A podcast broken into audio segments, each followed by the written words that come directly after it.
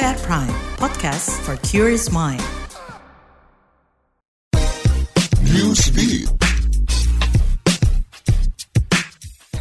Kementerian Dalam Negeri Malaysia melarang penggunaan dan kepemilikan produk Swatch LGBTQ, lesbian, gay, biseksual, transgender, queer. Warga Malaysia yang nekat membeli dan memiliki produk jam tangan Swatch nuansa LGBT bakal didenda sekitar 66 juta rupiah. Tak hanya denda, warga juga terancam maksimal penjara 3 tahun. Larangan ini dikeluarkan lantaran pemerintah Malaysia menganggap barang-barang bernuansa LGBTQ berbahaya bagi moral. Malaysia menganggap pembelian jam tersebut sebagai bentuk promosi dan dukungan terhadap kelompok LGBTQ.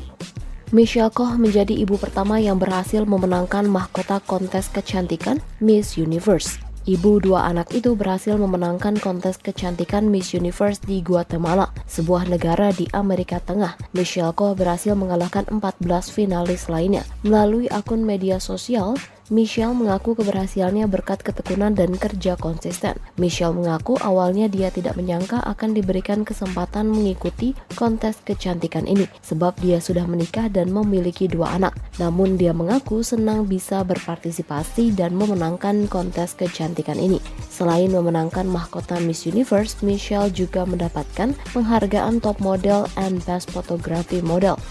Korea Selatan adalah salah satu negara yang terkenal dengan berbagai makanan. Sebut saja bibimbap, bulgogi, jajangmyeon, tteokbokki hingga samgyetang. Namun saat ini, sebagian orang muda di Korsel dilanda fenomena rela menghemat pengeluaran makanan demi membeli barang-barang branded. Bahkan mereka rela hanya makan kimbap atau nasi yang dibungkus rumput laut demi membeli barang-barang bermerek seperti Chanel, Louis Vuitton, Balenciaga hingga Dior. Dikabarkan kegemaran orang-orang Korea Selatan terhadap barang-barang mewah seperti tas mewah semakin meningkat setiap tahunnya. Pada 2022, pembelian barang mewah di Korea Selatan mencapai 24% dengan nominal sekitar 24,3 triliun rupiah.